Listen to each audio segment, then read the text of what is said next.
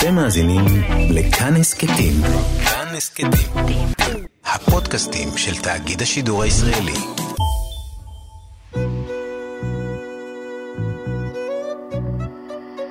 ליסה פרץ משוחחת. שלום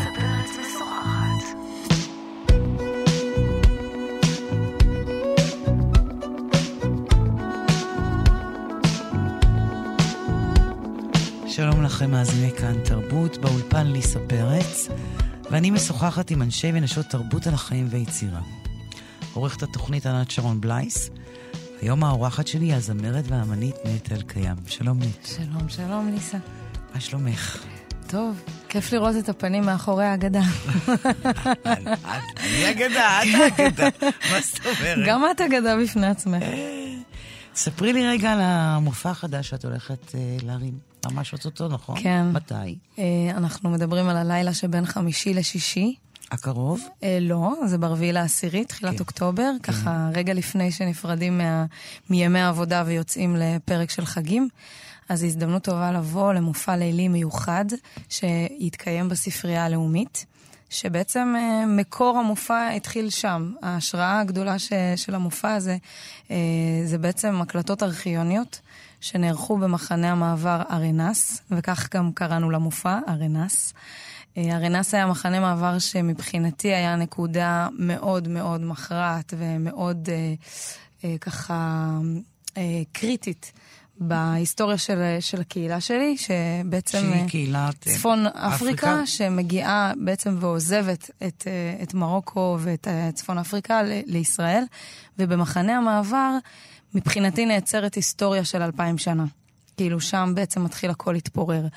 ולשמחתי, בארכיון, אה, בארכיונים של האור קולי שם, שגם קיבלו את פניי בצורה מדהימה ופתחו לי דלת ונתנו לי להגיע למקומות הכי הכי אה, סודיים, אה, מצאתי שם סלילים שהקליט בשנות ה-60 אה, פרופסור יששכר בן עמי. שהוא בכלל הגיע לשם דרך גרמניה, מלגה גרמנית, אה, והוא מקליט את הנשים של נשות האטלס, בעצם הנשים של הרי האטלס, שהם בעצם אה, החזיקו בהיסטוריה ובמוזיקה שהיא, שהיא ממש אה, מוזיקה סביב מעגל החיים. אפשר להגיד שזה מין משהו ב-DNA. שירים שנעו סביב... מעגל החיים שלהן, מלידה ועד מוות. יום-יום, שירי. יום-יום, שירי עבדות, אני גם מצאתי שם כמה שירים שבעצם מדברים על סבל של נשים, אה, אם זה סבל של חיתון בגיל מוקדם, וכל מיני אה, שירים שבעצם אני קוראת להם ההיסטוריה הלא כתובה. אה, ומה שהיה מדהים זה שגם הסגנון המוזיקלי לקח אותי פתאום למקום אחר במרוקו, ש, שפחות הכרתי. למרות שסבתא שלי באמת, היא, זה המקור שלה. היא מגיעה מהרי האטלס. ההיכרות שלי עם המוזיקה המרוקאית התחילה מהמקום היותר מיינסטרימי שלה. אה, הפופ שהוקלט בשנות ה-50 ו-60, ה vinyls שאנחנו יכולים היום ליהנות ממנו בצורה יותר מונגשת, אבל דווקא הדברים האלה הם היו יותר ככה אה, משהו שתורה שבעל פה כזו. אז אה, לקח לי זמן להגיע לזה, איך וגם... הגעת לזה באמת? אה, האמת היא שהוזמנתי לעשות איזושהי סדנה בתוך הספרייה הלאומית, ו... סדנה מוזיקלית? סדנה. כל מה שרציתי, כאילו, הכל היה, ל... היה... הייתה לי חירות מוחלטת. ו... ואמרתי, ובאמת הייתי באיזשהו משבר באותה תקופה, מכל הקטע המרוקאי וכל הנטל הזה, שכאילו אני לפעמים מרגישה שאני נושאת על הכתפיים שלי, שלא תמיד, אה, אה, זאת אומרת, זה לא תמיד קל. אה, שמתייחסים אלייך כמו נציגה של משהו.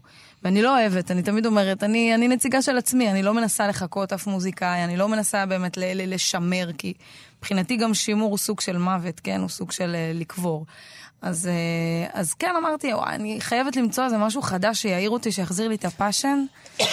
ו- וככה הגעתי להקלטות האלה, ו- והרגשתי שהתשוקה מתחילה... ידעת שהם שם?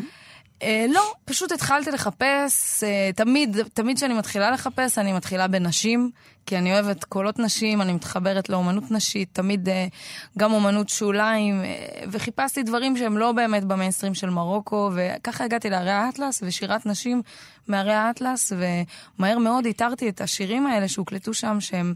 רגע, לפ... רגע לפני המפץ הגדול, רגע אחרי, כאילו, שהם עזבו את הכפר והכל היה טרי עדיין בראש. אני תמיד מצטטת אה, אה, מהשיחה שם, ש... שגם נעשתה בשפה המרוקאית, שהיום, אה, מה שנקרא, ברוך השם, אני שולטת בה ומבינה את הדיאלוגים שהוקלטו שם, אז הוא שואל אותה, הוא אומר לאחת הנשים המבוגרות שם, אולי, אז תשאירי לי משהו, אז היא אומרת לו, לא, אבל אנא בוחדי מה יסלח לי. זאת אומרת, אני לבדי לא יצליח לי, למה? ומכאן הסקתי שבעצם השירה הזו נעשתה רק בקבוצה, במקהלה. והכוח שלה היה הכוח השבטי שלה. ומפה והלאה, תוך כדי שאני עובדת על המחשב, אני חיה עם, אה, עם, זוג, עם בן זוג יוצר ובעצמו אה, אה, מוזיקאי אה, ענק, והוא ככה יושב ושומע אותי. לו? עמית חי כהן. אוקיי. והוא יושב ככה בשולחן שלו בסטודיו, אני בשולחן שלי, והוא שומע את הנשים האלה, ואני ככה צוללת לתוך הלילה ודמעות ומה שאת לא רוצה. ופתאום גם זה מדליק אותו ונותן לו השראה, ואני אומרת לו, רגע, אבל אני רוצה שיהיה לי כאילו את המקהלה שלי. וככה מהר מאוד אנחנו מגיעים לזה שהוא מסמפל לתוך הקלידים את הקולות שלי ויוצר לי איזושהי מקהלה אלקטרונית כזו של השבט הנעדר, וככה מתחיל הפרויקט להתגלגל. אחרי כמה חודשים אנחנו כבר משיקים מופע שמבוסס גם על הדברים האלה, גם על חומרים ישנים. הביט האלקטרוני הזה פתאום תופס אותי, הוא פתאום אה, מביא אותי למקום במוזיקה שלא הייתי בו לפני, כי הייתי נורא עסוקה שזה יהיה מדויק, שזה יהיה קרוב למסורת, שזה יהיה קרוב למה שאני מכירה. והנה את לוקחת את זה למקומות. ועכשיו אני מרגישה הרבה שזה... הרבה יותר פרי סטייל. גם פרי סטייל, אני מרגישה שהנשמה שלי הרבה יותר שם. ושגם המוזיקה היא, היא יותר מתחברת למקומות שבאמת באמת אה, גדלתי בהם. הסבתא שלי הייתה שרה דברים כאלה, רפיטטיביים, אפריקאים כאלה, משהו שהוא כמעט סופי במהות שלו. וככה אני מרגישה שהמופע הזה באמת הוא משהו אחר שלא לא יצא ממני עד עכשיו. כי מה הקפדת, איזה שיר, איזה מוזיקה הקפדת לעשות עד עכשיו, נגיד? עד עכשיו כדי לכבד את המקום הזה של השורשים עד הסוף, אז התחלתי דרך לימוד של המכ"מים, הצפון אפריקאים, אה, למדתי אה, קצת מהמוזיקה האנדלוסית, שזה הקלאסיקה של מרוקו, שמבוססת על נובות. זאת אומרת, הגעתי מהמקום היותר אה, אה, לימודי, וזה חשוב, כן, אני שמחה שעשיתי את הדרך הזו, כי... את יודעת, כדי לשבור כללים צריך ללמוד אותם לפני, ולא לבוא ו... זאת אומרת, רציתי להגיע למוזיקה ממקום מכבד. כי אחרי הכל אני נולדתי כאן. נכון שצרכתי את המוזיקה הזו, וכמו ששי צברי ואני תמיד אנחנו מדברים על, ה, על הנושא הזה, שגדלנו בבתים שהמוזיקה שלה, ש, שצרכנו בבית הייתה מוזיקה שקופה. וזה אני שואלת ממנו את המושג הזה, כי הוא קורא לזה המוזיקה השקופה, מהמקום שלא הגדרנו את זה כמוזיקה במהות שלנו. זאת אומרת, המוזיקה הזו ש, שהתנגנה בבית ובאירועים המשפחתיים, מבחינתנו לא הייתה המוזיקה המשכילה, המוזיקה ש, שאחר כך למדנו אותה באקדמיה, או לצורך העניין כל אחד ומה שהוא העמיק בו.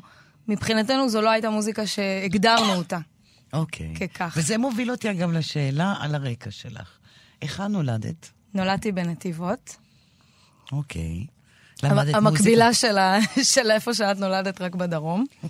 בקריית שמונה. נכון. אז uh, בעצם בנתיבות החוויה הייתה מאוד... Uh, את מש... בת למשפחה בת גדולה, למשפחה, קטנה? אני בכורה, בת למשפחה של חמישה ילדים. אני הבכורה בהם. ההורים שלך עלו? ההורים שלי מאוד צעירים, הם לא עלו, הם כן עלו, הם, זאת אומרת, הם לא נולדו בארץ, הם נולדו שם. אוקיי. אימא שלי עלתה בגיל שבע, שזה גיל יחסית בוגר, והיא כן, היא זאת שהכניסה לי המון, זאת אומרת, מהזיכרונות של מרוקו. הילדות שלה הייתה מאוד משמעותית בחיים שלה. באיזה אה, מובן? במובן שבו... אה, תראי, זה, זה סיפור קצת עצוב, כאילו, אני כילדה תמיד גדלתי על סיפורים ממה שהיה פעם. למה? כי כשביקרנו את סבא וסבתא שהגיעו מקזבלנקה לירוחם, אז המחזה היה לא כזה נעים. סבא היה כבר uh, אחרי אירוע מוחי, הוא עבד בקמ"ג, הוא חטף, uh, כמו הרבה חברים שלו ב, בעבודה, uh, כל מיני אירועים מסוגים שונים של מחלות, ולא הכרתי את סבא הבריא. כך שכל הזמן הסיפורים על סבא זה היה סבא שהיה במרוקו. איזה איש הוא היה, מה היה ואיך היה. ו... כאילו כל הזמן כזה, אמ, השוקת ששתיתי ממנה ישבה על איזה משהו מאוד גם מצער, כאילו על המשבר הזה של ההגירה. Okay. אוקיי. אז בעצם, אה, אני חושבת שהשבע שנים שאימא שלי חיה במרוקו, הם היו מאוד חשובות מבחינתה, כי מה שבא אחרי... היה בעצם חוויה של הגירה, של התאקלמות, של אה, דברים שמאוד מאוד קשה היה אה, אפילו לעצור ולדבר עליהם. אז כל הזמן שדיברנו, דיברנו על, על, על מה מרוקו. מה שהיה פעם. בדיוק. אוקיי. Okay. זה גם חיבר אותי בחיים האישיים שלי כנתיבותית ל- ל- לעלייה הרוסית. ו- והמורה הראשונה שלי למוזיקה הייתה מרינה. ו- בנתיבות? כן, באיזה והשפה... כיתה? אני הייתי בכיתה ד'. הייתי סולנית של להקה, אה, מקהלה שנקראה קיבוץ גלויות. חיברו בין כולנו. כן, והיא בחרה בך כ... היא כסולנית. בחרה בי כסולנית, והשפה הזרה הראשונה ששרתי בה בחיים הייתה רוסית. את שרת בכיתה ד' ברוסית? כן. אני הייתי הגימיק של נתיבות. מרוקאית דומה לאתיופית, שרה ברוסית. ככה כל הזמן הציגו אותי. נהדר. ו... מה שרת? שרתי מלא שירי נוסטלגיה, В юном месяце апреле в старом парке тает снег, או כל מיני Прекрасное далёко, не будь ко мне жестоко. את זוכרת את זה? אני זוכרת את המילים, אני לא כל כך זוכרת כבר מה הן אומרות, אבל אני כן זוכרת שהיא לקחה אותי לחתונה פעם אחת בנתיבות של הקהילה הרוסית, וישבו מלא סבתות מולי, שברגע שהתחלתי לשיר להם ברוסית, הם לא הפסיקו לזלוג דמעות. וזאת הייתה חוויה מכוננת אצלי, כי למה? אני, אני התחלתי לשיר בגיל 30 רק, אני לא יודעת אם אה, סיפרתי את זה, אבל... רגע, תכף נגיע ל-30, אבל אבל, בוא נתחיל, רגע, בוא אבל נסגור את... התמצית הזו, היא כאילו הייתה חוויה מכוננת עבורי, מכיוון שראיתי מה הכוח של שפה, של שפת אם, ש, שבאים לבן אדם ושרים בשפת אימו, ואיזה כוח עצום יש לזה, ואיזה כוח של קרבה וחיבור. אמ, אז זה ממש, אני חושבת שזה היה משהו מכונן בילדות שלי, ששינה את התפיסה היא שלי. טיפחה אותך? היא טיפחה אותי מאוד. כן. מרינה, מרינה, הייתי, הייתי ה favorite שלה, עד גיל uh, מאוד מאוחר. היא הייתה לוקחת אותי מבית ספר, קונה לי גלידה, והייתי לומדת אצלה גם נגינה, אורגן, פיתוח קול. עד וגם, איזה גיל? אני חושבת שזה היה אפילו עד כבר הגיל ש... של תיכון, שנאלצתי לצאת מנתיבות וללמוד בפנימייה, כי לא היה, כאילו, כי זה היה... מי שיכל להרשות לעצמו יצא ללמוד מחוץ לעיר, כי לא היה אפשרויות רבות בחינוך, ו... וכמעט כל בני גילי יצאנו בזמנו באיזה גיל לפנימיות. יצאת? מה הבעיה? 14. לאיזה פנימייה? לאולפנה, אבן שמואל ליד קריית גת. בית ספר דתי. בית ספר דתי. התנאי שלי היה שילמדו שם מוזיקה. והייתה שם מגמת מוזיקה. באמת? והייתי מחכה לה כל יום שלישי, מורטת שערות. ו- ואיך היה באמת הנתק הזה להתנתק מהבית שלך בגיל 14? אה, מאוד קשה, לא פשוט. מה את יודעת? אה, מה את זוכרת?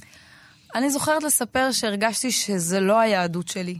כאילו, גדלתי בבית אה, יהודי, דתי, מסורתי, אבל כשהגעתי לאולפנה, שכביכול זה מקום דתי, פתאום הבנתי שיש כל מיני דתיויות, זה לא דתיות אחת. והדתיות של האולפנה הייתה מאוד שונה מהדתיות שגדלתי. באיזה מובן? אה, הכי בסיסי זה הקול של האישה, למשל. אצלנו בבית, אף פעם אף אחד לא אמר לי אל תשירי, להפך, תמיד עודדו אותי למצות את הפוטנציאל שלי ולשיר, ו- ובכל אירוע שמו אותי על השולחן, ותשירי ותעשי לנו שמח. וכאילו, ובאולפנה זה היה משהו שהוא שהוא אסור. טאבו, כן, לא, כל אישה ערווה, לא, כאילו, לא מתאים שתשירי סולו ו... וכאלה דברים, אז ככה... באיזה עוד מובן היה- זה היה עזר לך, המקום הזה? אמ, למשל, אמ, הטעם שצריך ללמוד לכל דבר, הסיבות אה, העמוקות, אה, כל מיני... זה היה גם נחמד, כאילו, מצד אחד להעמיק בהגות, בפילוסופיה יהודית וזה, אבל מצד שני, היה חסר לי ה... המסורתיות התמימה הזו של סבתא, שכאילו, שלא צריך גם לחקור ולפרש ולשאול אה, יותר מדי דברים, יש דברים ש... שנחמד לעשות אותם כי זה מה שעשו לפניך, והפעולות האלה הן כבר הופכות להיות מהלכה לפשוט לתרבות, למשהו שהוא תרבותי, וזה יותר משך אותי, הסגנון של איך שסבתא שלי הייתה יהודייה. ולדעתי זה גם מה שהשאיר אותי עד היום מסורתית, פחות הלימוד וההשכלה של, ה- של הדתיות בצורה... והנתק מהבית הפיזי, לא לראות את אחייך ואת הורייך. כן, זה מצד אחד הפך אותי מאוד לעצמאית, ול... וגם יצר, לעצ... יצר לי איזושהי בדידות שהיא גם איפושהי, איפשהו חיובית. כאילו, גם בעלי, גם עמית אה, היה בפנימיה, ואנחנו חולקים את הקטע הזה של ה... כאילו, מין הרגשה כזה של בדידות, של זרות טיפה, שתמיד גם אנחנו מסתכלים עליהם, כאילו, כאילו מבחוץ, כותבים עליהם. ו... אבל כאילו בכלל, כל הפעולה הזאת של יצירה, יש בה משהו מאוד זר במהות שלה, כשאתה איך מסתכל... השתמשת עליה. בזרות הזאת שהיית בפנימיה? כתבתי. כתבתי. כתבת בפנימיה? כתבתי המון על באמת? המשפחה שלי, על ה... פתאום נולד בי צורך לכתוב על הפער הזה. שבין הבית הזה שגדלתי בו לבין מה שאני רואה עכשיו בחוץ. אני פוגשת פעם ראשונה בחיים שלי אה, קיבוצניקיות ו- ו- ומושבניקיות ו- ובנות מכל מיני רקעים, ו... וכתבת יומן? היה לי יומן, אה, היו לי תקופות יותר אמוניות, שממש אה, כאילו הרגשתי שאני צריכה להתקרב יותר, והיו לי תקופות יותר של כפירה, והרגשתי שבא לי לבעוט בהכל. אבל בסך הכל המקום הזה זכור לי כן לטובה, מאוד הכילו אותי, מאוד uh, כיבדו את זה שיש לי עולם יצירתי, היה לי מפתח למקלט של המוזיקה, ותמיד כשהייתי רוצה הייתי הולכת לנגן. ו... והיית עושה את זה? הייתי עושה את זה המון. כן? לפעמים על חשבון הלימודים, וגם ויתרו לי קצת על זה.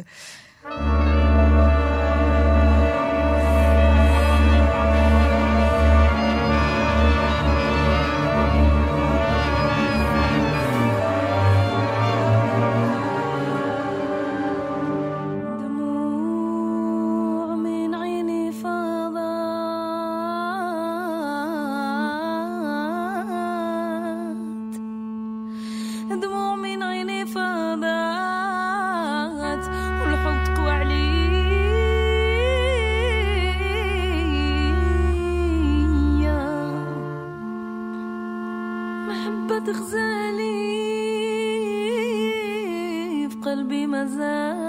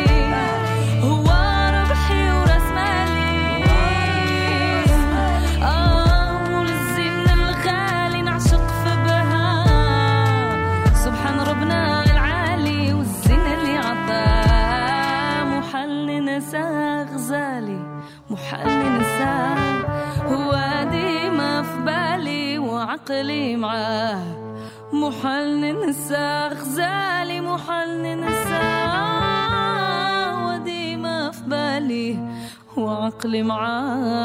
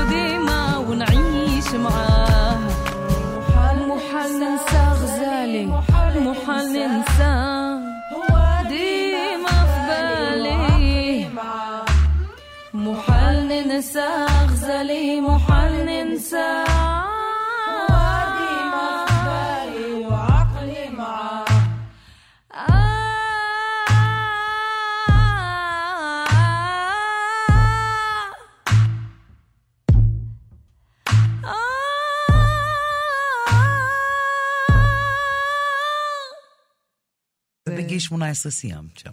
סיימתי, ו... ואז אה, אני זוכרת שכאילו שאלתי את עצמי מה עושים, אחרי שסיימתי בעצם, אה, החלטתי, כאילו בעצם אחרי התקופה של השירות, הלכתי לארצות הברית, הייתי שם תקופה, וכשחזרתי הבנתי שאני רוצה ללמוד אומנות, דווקא משהו שהוא לא קרוב למוזיקה. פתאום, כן. ציור? ציור, הלכתי ללמוד אומנות ויזואלית, בעקבות אבא, אבא שלי צייר. אבא שלך צייר. כן. הוא צייר בבית? הוא... זהו, שגם אותו אף פעם לא הגדרתי כאומן. כאילו מבחינתי היה אומנות שלומדים באקדמיה והאומנות של אבא. שהיא? פולקלור, והיא יותר מדי צבעונית, ויותר מדי חנפנית, ויותר מדי מלאה במוטיבים יהודיים, וזה פסה, וכל מיני כאלה. מאוחר יותר, עשר שנים אחר כך, אני אעשה תערוכה עם אבא, ו... וזה באמת נקודה שהיא, כאילו היא בעצם הייתה נקודת המפנה שלי, גם באותה איפה תקופה הלכת הלכתי. ללמוד אה, אומנות? למדתי בבאר שבע, במכללת. קיי. אה, עשיתי אוקיי. תואר שהוא משולב בין אומנות לחינוך. תמיד היה את הרצון הזה שגם שיהיה לי משהו מקצוע. שיהיה לך עבודה. עבודה, בדיוק. אז גם אבא הוא כאילו היה מורה לאומנות בזמן שהוא לא היה בסטודיו ועבד. אז הוא היה מורה לאומנות. בשליש אה, משרה, ואחר כך, אה, ובשאר הזמן אז הוא היה הבין עושה. לנפש האמנית שלך? שהיית- לגמרי. משהיית ילדה? לא, אבא תמיד היה לצידי, תמיד אה, עודד אותי, ועד היום הוא המעריץ מספר אחד בכל ההופעות. אם אני גם מופיע, מופיעה בחו"ל, הוא כבר בא, פוגש אותי בשדה תעופה. קניתי כרטיס, אני באה. כן. כן, הוא ואימא ממש מעודדים. רגע, אז למה בעצם חתכת אחרי השירות אה, לאומנות ולא לא התעמקת במוזיקה? אה, שאלה טובה. ממה חששת אולי? אה, עדיין לא הבנתי את הקול שלי, עדיין לא הבנתי מה אני רוצה לשיר ומי אני בתוך העולם המוזיקה, והכל היה שם באזור השנות האלפיים שסיימתי, נורא ברור. או שאתה הולך לאקדמיה למוזיקה, או שאת הולכת ל- לרימון, ובטווח שבין לבין לא מצאתי את עצמי. לא? לא. לא רצית לא ברימון ולא שם. לא, לא הרגשתי שאני שם ולא שם, וגם בכלל העברית, כשיצא, כשיצאה ממני, לא, לא יצא לי טוב, לא הרגשתי טוב איתה. לא הרגשתי... כי מה שרת עד אז? כי שרתי ברוסית, ושרתי באנגלית, ו- ו- ואהבתי מאוד סול מיוזיק, אהבתי כאילו מוזיקה מארצות הברית, אהבתי כל מיני זמרות שביורק, אהבתי אה, אה, וויטני יוסטון, לא זוכרת כבר, כאילו, אבל צרכתי המון המון מוזיקה שהיא אה, לא ממש דמתה למוזיקה הישראלית, הרוק הישראלי, ש... שהרגשתי שיש ממנו מספיק. זאת אומרת שאם אני עכשיו אלך לעשות אה, מוזיקה, אז לא בהכרח צריך אותי. כאילו. אוקיי. ולקח לי זמן, ובאמת, אה, רק עשר שנים אחר כך, בגיל 30, אני מוצאת עצמי מגיעה באיזושהי דרך לא דרך חזרה לעולם הפרפורמנס והמוזיקה, ו... ומקליטה איזשהו משהו ביתי יחד עם עמית. אבל אה, חכי, יש עשר שנים, עוד נכון. שנגיע ל- למוזיקה. אז עשר שנים, את בכלל מתעסקת באומנות, כן? כן, למדתי ארבע שנים בבאר שבע, ואחר כך... לימדת? לא, ואחר כך המשכתי ללמוד, הצגתי את התערוכת יחיד הראשונה שלי ב... בירושלים, בבית האומנים, נבחרתי מצטיינת מהשכבה, ואחר כך אה, בעצם הומלצתי להמשיך ללימודי המשך בקלישר בתל אביב. שם קיבלתי סטודיו, ולראשונה נכנסתי בעצם לתוך הסצנה שאמורה להיות הסצנה של האומנות הישראלית. וגם שם חטפתי כאפה. למה? תתעכבי פה רגע על זה. זה כי- דומה למשהו שראי, שאת מכירה?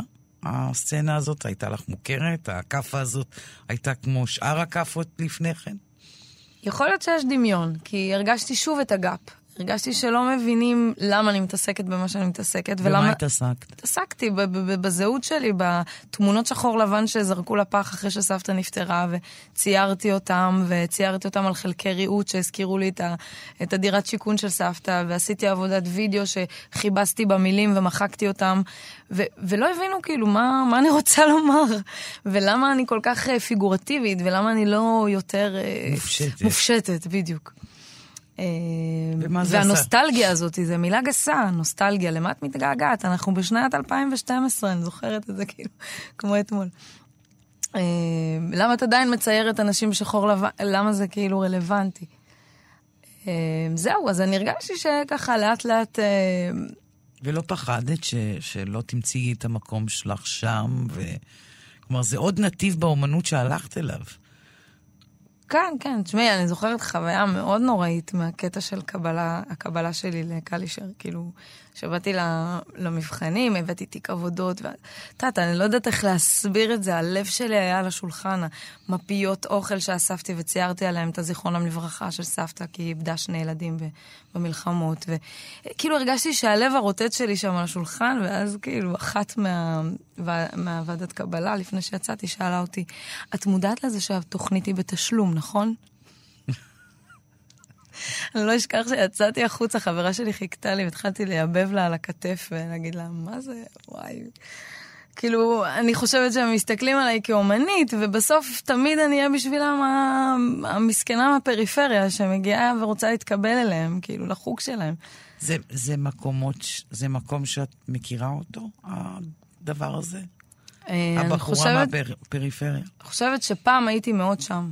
כאילו, סוחבת את הפגיעות הזאת לכל מקום, והיום, ברוך השם, זה כיף, זה כיף להתרפא מזה, וזה כיף שהאופק שלך הוא לא, הוא לא שם, הוא לא במקום הזה שלימדו אותך לחשוב ששם זה, זה הדבר, לשם את צריכה לחתור כל הזמן.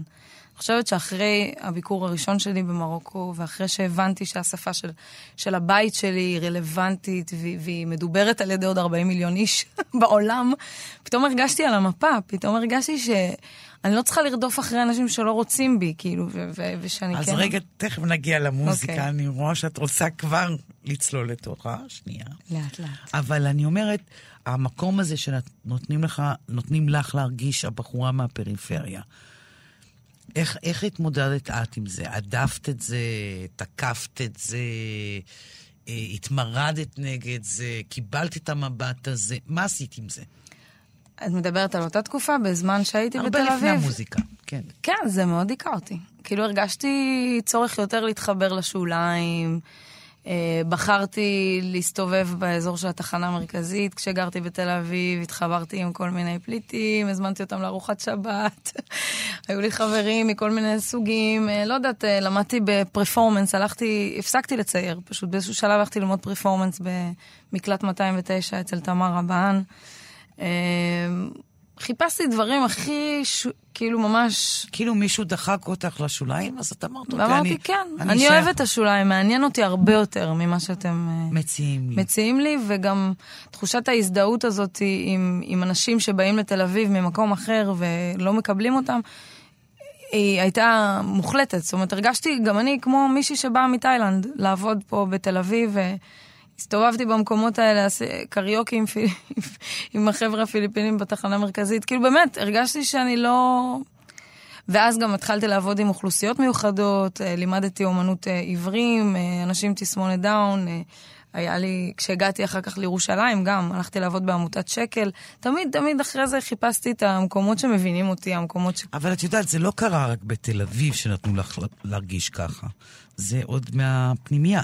יכול להיות. כן. זה לא רק תל אביב. תראה, היום אני מבינה שזה גם משהו שאני נסעתי בתוכי. כאילו, תחושה כזאת של... אה, ש... אני טוענת שזו תחושה שאפילו עוברת מדור לדור. יש מצב. כן, אני מאמינה, תראי. שזה כמו בתוך ה... מזרימים את זה אליך, נותנים לך את זה באיזשהו מובן. וצריך להתמודד עם זה ול... ולהתיר את עצמך מזה. מה שיפה לגלות זה שהתחושה הזו היא לא פרטנית, היא אוניברסלית, והיא משבר הגירה שקורה להרבה אנשים, והיום כשאני מופיעה בכל העולם ומדברת את הסיפור שלי, שומעת המון המון סיפורים, אם זה בקרקוב, מפולנים שמתגעגעים ליהודים שלהם, ואם זה ממרוקו, שבמשבר עד היום מזה שהשכנים שלהם נטשו אותם, או... או אנשים שמתגעגעים למולדת, או שהקריבו כל כך הרבה כדי להגיע לכאן, וגם לא מתייחסים אליהם מספיק טוב פה, אז אני חושבת שזה משהו שהוא משותף, אני קוראת לזה העידן הפוסט-נשיונליסטי. כי, כי בעצם אה, היה לנו איזשהו, אה, אה, אם מותחים קו בין כל מה שקרה בעולם בשנות ה-40-50, אחרי המלחמות, אנשים אה, הגרו, היגרו ממקום למקום, אה, עזבו אה, מקומות, כמו אם נגיד אלג'יריה, חצי מאלג'יריה עברו לצרפת. גדל דור היום, בדור, הדור שלי הוא דור שהוא כאילו מין דור ביניים. הוא דור שכבר נמצא במקום שמספיק בטוח בגבולות שלו, בדגל שלו, בעצמאות שלו, שפתאום עכשיו הוא מרגיש נוח לחתור תחת הדבר הזה. ההורים שלי לא יכלו לעשות את זה. ההורים שלי בכל מאודם רצו להיות בתוך ישראל. הסיפור הישראלי, המדינה, אה, נאמנות מוחלטת. לאבא שלי הכניס למוטיבים של העבודות שלו פתאום דגלי ישראל, פתאום דברים שכאילו... ו- ו- ו- ומבחינתי, כשאני רואה את כל הדבר הזה, אני מסיקה ש- שאותו דבר קרה גם במקומות אחרים. ברור.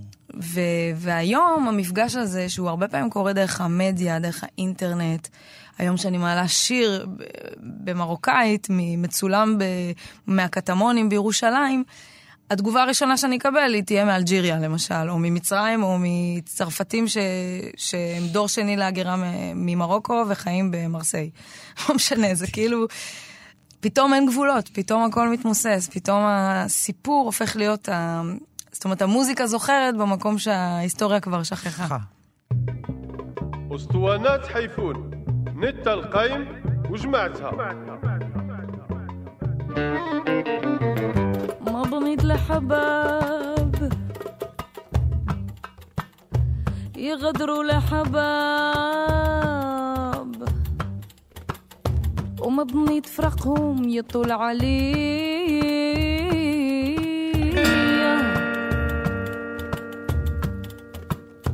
كان فراقي من غير سباب. وخلى دمعي يجرح خدي. بالله يعذرني في غدرة الحباب. يدق ناري ومجرى بيا. بيا ويلي ويلي خوتي خوتي غدروني خلوني في المحنة. خوتي خوتي غدروني خلوني في المحنة. من فراقهم نبكي ونوح عمري ما نتهنى. خوتي خوتي غدروني خلوني في المحنة. خوتي خوتي غدروني خلوني في المحنة. نفرقهم نبكي ونروح عمري ما نتهنى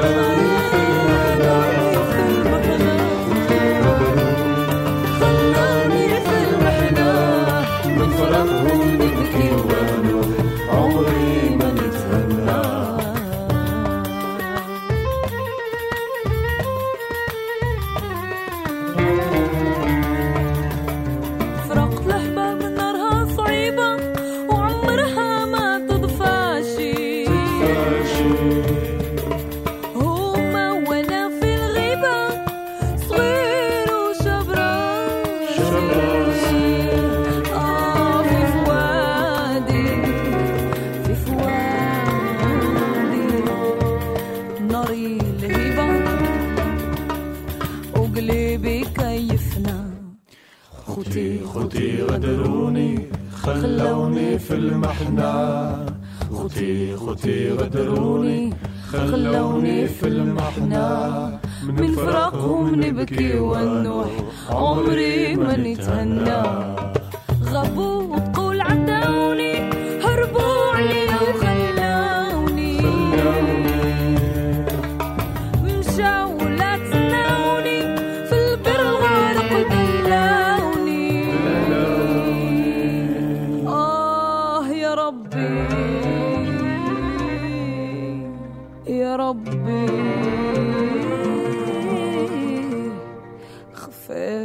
بيني أنا وحبابي تلومنا.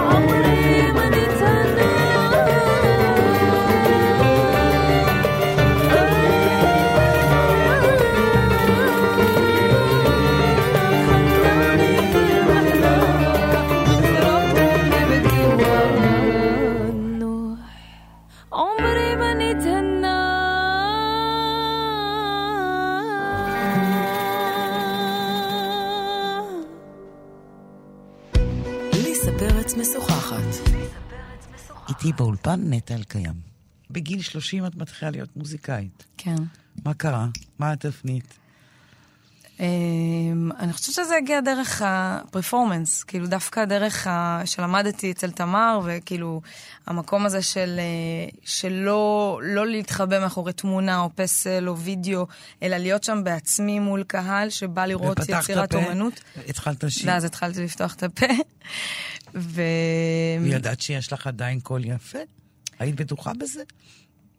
אה, ידעתי שאני יודעת לשיר, שאני אוהבת לשיר, שאני לא מזייפת, אבל לא ציפיתי שאני אצליח לגבש ממש סגנון ושפה מוזיקליים משלי. ואיך זה קרה? אה, זה קרה קודם כל כי גם היה לי שותף לדרך, שזה עמית, ש... שבלעדיו כאילו כלום לא היה קורה, כי באמת שנינו עברנו ביחד איזשהו סוג של אה, התעוררות כזו וצמאון מטורף. פתאום את מרגישה שכל הגוף שלך יבש ואת רק רוצה להרטיב אותו ולשתות עוד ועוד ועוד ועוד. ומהרגע הראשון שמצאתי את הדמויות האלה, הדמויות האלה של היהודים האלה שהלחינו וכתבו מוזיקה, שהיא נפלה בין הכיסאות בעצם. רובה הוקלטה בארץ, שנות ה-60, 50-60, ו... ובמרוקו לא מכירים אותה, ובארץ לא הכירו אותה, כי כבר אף אחד לא רצה לשמוע את השירים בשפת האם. אז אה, זה המון המון אוצרות שככה... איך שמת את ידך עליהם? דרך, אה, גם הייתי, התחברתי לאספני תקליטים ישנים, גם אה, דרך כל מיני די-ג'אים שפתאום שמעתי שהם מתקלטים, נהיה כזה איזה טרנד להוציא תקליטים ישנים, להפוך אותם לדיגיטליים ולתקלט איתם. אז יצרתי קשר עם אותם אנשים, חיפשתי בלוגרים, אה, גם כמובן דרך היוטיוב, אנשים כבר גם פרטיים התחילו להעלות דברים.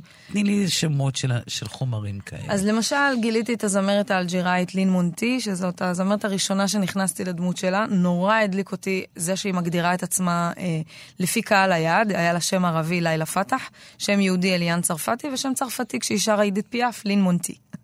וככה היא בעצם עבדה עם, אה, עם הזהות שלה בצורה רחבה, ו... ו... באיזה שנים היא פעלה? היא פעלה משנות ה-40 עד כמעט שנות ה-80, 90. היא חיה עד גיל 90, והפסנתרן שלה היה מוריס אלמדיוני. וכשמוריס אלמדיוני עלה לארץ בגיל 83, ישר תרגטתי אותו, אמרתי, זה החלום שלי, אני רוצה להופיע עם הפסנתרן של לין מונטי, זה לא אמיתי בכלל שהוא חי, זה היחיד שנשאר מהדור הזה. וממש אה, הגשמתי את החלום, ברוך השם. אה, אז זו הייתה הזמרת הראשונה שפתחה לך את הצוהר? כן, היא הייתה הראשונה כי גם הדליק אותי הסיפור שלה, וגם הרגשתי את האקסנט שלה. נכון שהיא נולדה באלג'יריה, אבל היא עברה מהר מאוד בגיל צעיר לצרפת, והיא עבדה משם. וגם היא רכשה מחדש את הערבית שדיברו בבית שלה, כי הם גדלו בסופו של דבר די בצרפתית. אז שומעים בערבית שלה את הניואנסים הצרפתיים, ושומעים את המלונג'ה הזה, את ההיתוך הזה של כל מיני סגנונות, בין השנסון הצרפתי של עידית פיאף לבין השירה האנדלוסית והמלחון מתוך, אה, מהמוזיקה המסורתית המרוקאית.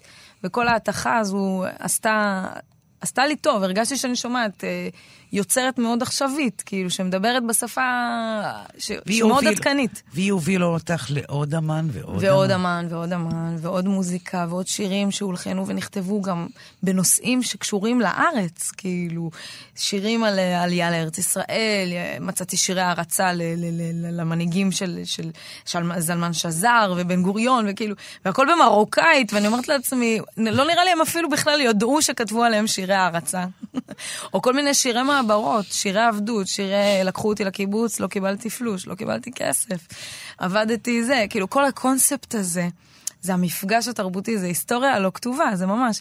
אה, שלוקחים מרוקאי שהיה רגיל לעבוד, אה, לא יודעת מה, אה, ולקבל משכורת יומית אפילו, ברמה היומית, של לחזור הביתה, להביא לחם בערב למשפחה. פתאום הוא עובד בקיבוץ, וסופרים לו את הימים ואת השעות, ובכלל לא משלמים, כי הכל כזה מתחלק, והכל שיתופי, ואתה מקבל במקום זה איזה דלי או מטאטא או לא יודעת מה. כאילו, את רואה את ההתנגשות הזאת, וכותבים על זה שירים, ואת לומדת את ה... את, בעצם את הסיפור הזה, את הסיפור של מה שקרה פה. יאללה. אז, ואיך השפה מתחילה להתביית לך בפה? נורא קשה. כי... איך, זה, איך התחלת בכלל. התחלתי מללמוד ערבית בירושלים. כאילו ערבית, ירושלמית, אה, אוצית, עם מורה, קריאה, כתיבה, כל הדבר הזה, כאילו ממש הרגיש לי שמשם אני צריכה להתחיל. כי היום המורים שלי הכי טובים לא יכולים להיות יהודים, לצערי. אני מנסה, אני מנסה למצוא את האנשים שעדיין אה, מדברים את הלעג היהודי. נגיד, ההורים שלי עכשיו, עכשיו, שהם נוסעים למרוקו וחוזרים, פתאום יוצאת מהם השפה. אני אומרת לאמא שלי, ממש השבת, אני מדברת איתך טרי, ישבנו מסביב לשולחן, הם חזרו, הופעתי בקזבלנקה לשבוע שעבר, והם באו להופעה והם הם העריכו את הטיול או טיילו. ואני חוזרת, ומשמיעים לי הקלטות וסיפורים ומפגשים. אני שומעת הערבית של אמא שלי, אני אומרת לה, אמא, מאיפה המילים האלה? למה לא דיברת איתי במילים האלה? עכשיו אני מדברת יותר כמו מוסלמים מאשר כמו, כמו יהודים. ו, וזה באמת מטורף, כי גם הם, לקח להם זמן עד שהם בכלל הרגישו בנוח לדבר איתי, ולא לצחוק על זה, ולא להפוך את זה לבדיחה מסביב לשולחן. אבל איך, איך השפה התבייתה לך בפה? מתי הרגשת שאת, אוקיי, למדת אצל מורה, למדתי ערבית ירושלמית, ואז זה חברת למרוקאית. ואז אני כאילו צורכת כל הזמן את המרוקאית מהמוזיקה, ופונטית שומעת אותה, ומנסה לשבת עליה כמו שצריך. מאוד עזר לי לשמוע הקלטות של שירים, כמעט בלי מוזיקה, רק של זמרות, מאוד, דברים מאוד ווקאליים כאלה. טוף שירה. כאילו, ואז את לומדת איך השפה עצמה היא קצב. היא קצב. ولا إبراهيم سحب الفقارة يقدح ويجيب القول والفعالة سوق الخلالة. כאילו הדברים יושבים לבד עם קצב, רק השפה עצמה, את לומדת את המיזן שלה, את הקצב שלה, ואיך היא אמורה אה, להתגלגל החוצה. וברגע שאת לומדת את זה, אז, אז את לאט לאט אה, משלבת בין הידע שלך בערבית, מה, מהערבית שם. של פה, לבין המרוקאית שהיא מעורבבת. הרבה ממנה מבוסס על הערבית, אבל יש פה ושם מילים בצרפתית. המוזיקה של השפה היא בכלל מהמזיגית, מה, מהברברית. ה originals אה, של מרוקו, ה natives Moroccans, זה הברברים, זה האוכלוסייה אה, ש, שרובה הייתה גם יהודית. בגלל זה גם היום הרבה מהמרוקאים רוכשים מאוד מאוד כבוד ל, לסיפור היהודי, כי הם אומרים, אתם הייתם פה לפני כולם. ומתי הגעת בפעם הראשונה למרוקו? ב-2008, אחרי שהיה לי את כל המשבר הזה עם אה, אומנות, והרגשתי שאני רוצה להתרחק, ו... ואז אה, כשחזרתי ממרוקו, חזרתי בן אדם אחר לגמרי. טיילתי נס- שם חודש עם נס- חברה, נסעתי נסעת, לבד, אה, עם חברה. נ- לבד עם חברה. וחזרת מה? חזרתי בן אדם אחר, פשוט בן אדם אחר. תסבירי לי. כאילו כל ה... הפוקוס השתנה לי. כמו שאמרתי לך מקודם, האופק הזה, שלימדו אותי להסתכל עליו, פתאום היה נראה לי לא רלוונטי לי. אה, הרגשתי שהאופק שלי הוא הרבה יותר רחב, שאני צריכה להסתכל מעל. שמנתיבות הקטנה, השכונה, שהרגשתי nobody, כאילו פתאום הרגשתי somebody. הרגשתי שיש לי גב תרבותי מטורף, יש לי, יש לי מקום אה, מדהים שאני יכולה להיות גאה בו, ושיש לי עוד הרבה מה ללמוד ממנו. ושפתאום זה גם, זה גם שבר לי מלא מלא מיתוסים, כל האקדמיה הייתה נראית לי פתאום מיושנת. כי במרוקו את הולכת והידע הוא ברחוב, הוא של כולם. אה, כאומנית, את רואה שם כל כך הרבה אומנות שעדיין עושים אותה בעבודת יד. מצביעת אורות ועד שבירת אה, אה, מוזייקה וגילוף בעץ. ואת יודעת, אני הולכת ואני לא שובעת, ואני רק רוצה לקנות עוד ועוד, ופיגמנטים של צבעים. שעושים שם, את, את הולכת, את קונה במכולת פיגמנטים של צבעים. איפה, איפה את יכולה לקנות דבר כזה? והאומנות שם היא חיה ונושמת. גם ו- המוזיקה. וגם המוזיקה. כל בן אדם הכי פשוט ברחוב אה, יודע להחזיק כלי או לשיר משהו. זאת אומרת, זה, זה משהו באמת אה, מדהים לראות את זה. והרגשתי שכשחזרתי, כאילו, ממש כל הפוקוס שלי השתנה, הדברים התארגנו לי מחדש. Uh, פתאום הבנתי שאני לא רוצה להיות בתל אביב יותר, עזבתי את הפקלאות, עברתי לירושלים. למה רצית לעזוב את תל אביב?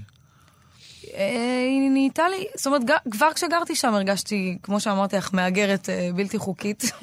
ו, ובירושלים פתאום היה נראה לי יותר נכון. פתאום המטען ההיסטורי של ירושלים מסתדר לי יותר. פתאום הרגשתי ש...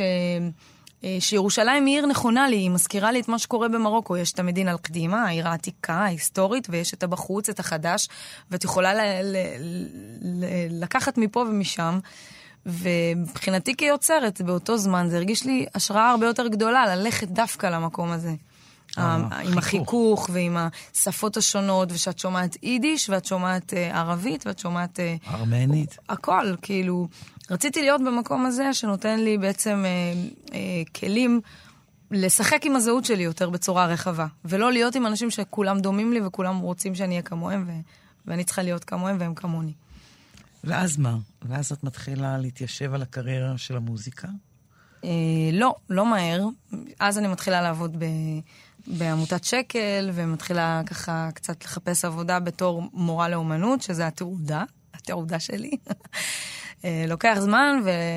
ואז אני מוצאת סוף סוף אה, משרה בבית ספר, בית ספר שגם נוער בסיכון, הכי שוליים ואאוטסיידרים של אה, ירושלים, אבל מקום מאוד משפחתי, קטן, ושם אני מנהלת את המגמת אומנות.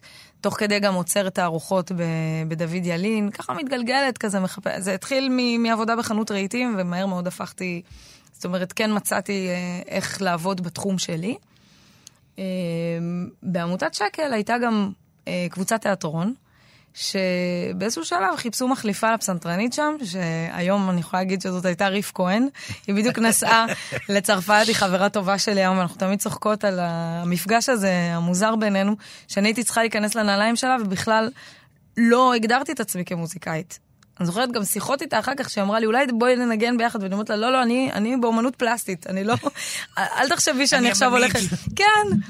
ו, ו, וזה מעניין, כי התחלתי לבצע את הקטעים האלה שהייתה מבצעת, אה, שהיא גם כתבה והלחינה אותם, אה, את חלקם, ו, ופתאום אני חוזרת לפסנתר, לשירה, היה שם איזה שיר בצרפתית גם שלמדתי, ופתאום אה, ככה הרגשתי שוואלה, אני כן יכולה, וכן זה משהו שדופק לי בדלת. ואני צמאה אליו. ואז הקלטנו את השיר, אני ועמית, ומהר מאוד תגובות באינטרנט.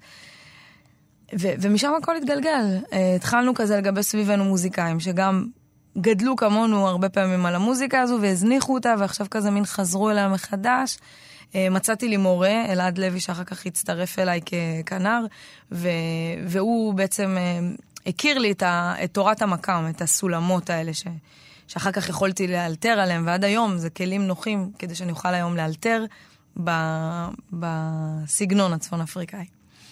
זהו, ואז התחיל מסע שבעצם... אה, היום את זמרת בינלאומית. זהו, ההרכב הזה שגיבשתי סביבי, ממש מהר מאוד התחלנו להיות מוזמנים בעולם, והופענו בחשיפה הבינלאומית משם, מפיקים בינלאומיים הזמינו אותנו לפסטיבלים. מצאתי את עצמי במקומות מאוד הזויים עם המרוקאית הזאת. איפה? בנקוק. שסביבנו יש, אה, אני לא אשכח את זה, זה היה במה של וולד מיוזיק, עכשיו התפיסה שם של עולם המוזיקה, מוזיקת עולם, קצת כזה nineties. אה, הם הביאו כזה מלא, אה, עשו כזה מלא ברביקיו מכל מיני מקומות בעולם. וזה היה הבמה הכי הזויה שהופעתי עליה אי פעם. היינו, מסביבנו היה עשן של ברביקיו, והתמונה שלי מלמעלה, לגמרי הייתי יכולה לראות תאילנדית ששרה במרוקאית. אה, זה היה נורא מצחיק. וגם בקרקוב, פעמיים הזמינו אותנו שם, כבר יש לנו שם קהל. בפסטיבלים של מוזיקת עולם או בכלל? בכלל, גם מוזיקת עולם, גם מוזיקה יהודית. גם מוזיקה מידל איסט, כאילו זה, המוזיקה הזאת נפלה, כאילו הצליחה ליפול הרבה הגדרות, ולמרוקו. מי כן. הזמין אותך במרוקו? אה, זה התחיל מפסטיבל אטלנטיק אנדלוס בסוארה, ששם כאילו הגעתי לראשונה ב-2013, ומשם זה התגלגל, שוב פעם הזמנתי לאותו פסטיבל, אחר כך זה היה כבר הופעות אה, פרויקטים שהוזמנתי אליהם, כמו למשל סימפוניאט, שזה הרכב אה, אורקסטרה של 40 מוזיקאים מכל העולם, שהזמינו גם את תום כהן לנצח עליהם, ו... והופעתי עם עוד סולנים, זה היה אה, כבר קונצרט שני שלנו בקזבלנקה.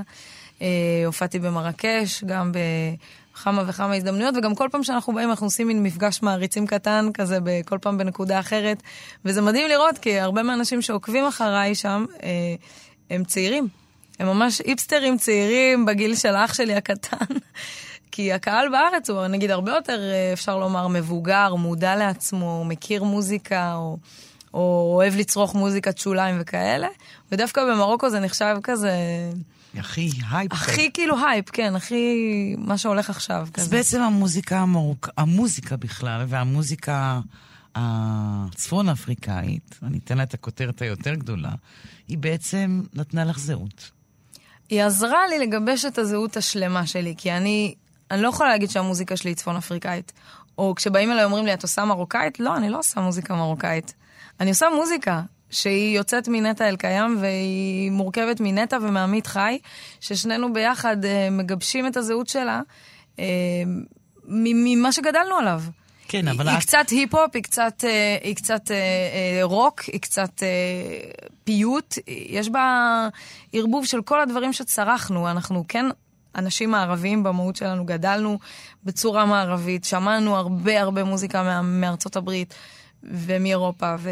אבל היא אפשרה לך המוזיקה הזאת בעצם... להשלים את החסר. להשלים את החסר, לגמרי. אבל דבר יותר חשוב, לגבש נרטיב אה, כמעט אלטרנטיבי לישראליות שלך. או אולי אה, לבקש מהישראליות ש- שהנרטיב שלה יהיה קצת יותר אה. מכיל וגמיש ופורץ גבולות. כי היום אני באמת מרגישה ש... שדווקא מהרגע שפניתי והפניתי עורף למיינסטרים הישראלי, הוא התחיל לחזר אחריי. כל כך כיף. גברי מצידו. נהדרת. הייתי יכולה לדבר איתך עוד שעות, נטע. איזה באמת. כיף. גם כיף לשוחח איתך. רציתי להגיד לך תודה רבה על השיחה המופלאה הזו. תודה לך. עד כאן השיחה עם המוזיקאית נטע אלקיים, באולפן ליסה פרץ. עורכת התוכנית ענת שרון בלייס, אפשר להאזין לתוכנית הזאת ולאחרות ביישומון כאן. תודה לכם ולהתראות.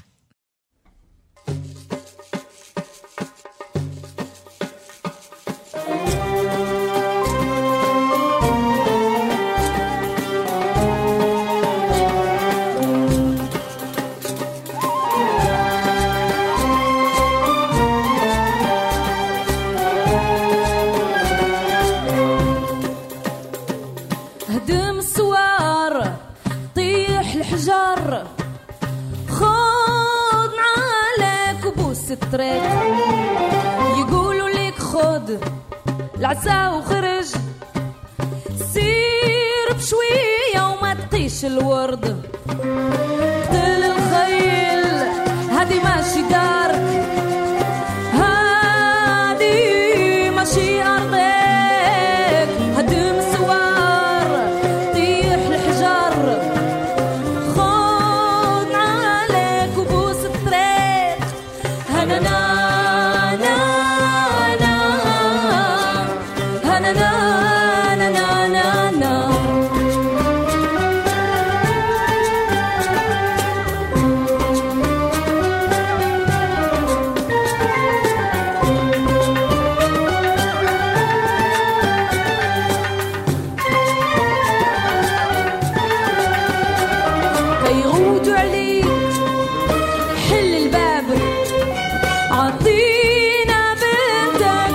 عطينا مراتك هذا الدار ماشي دارك هادو ماشي خوتك كيغودوا عليك.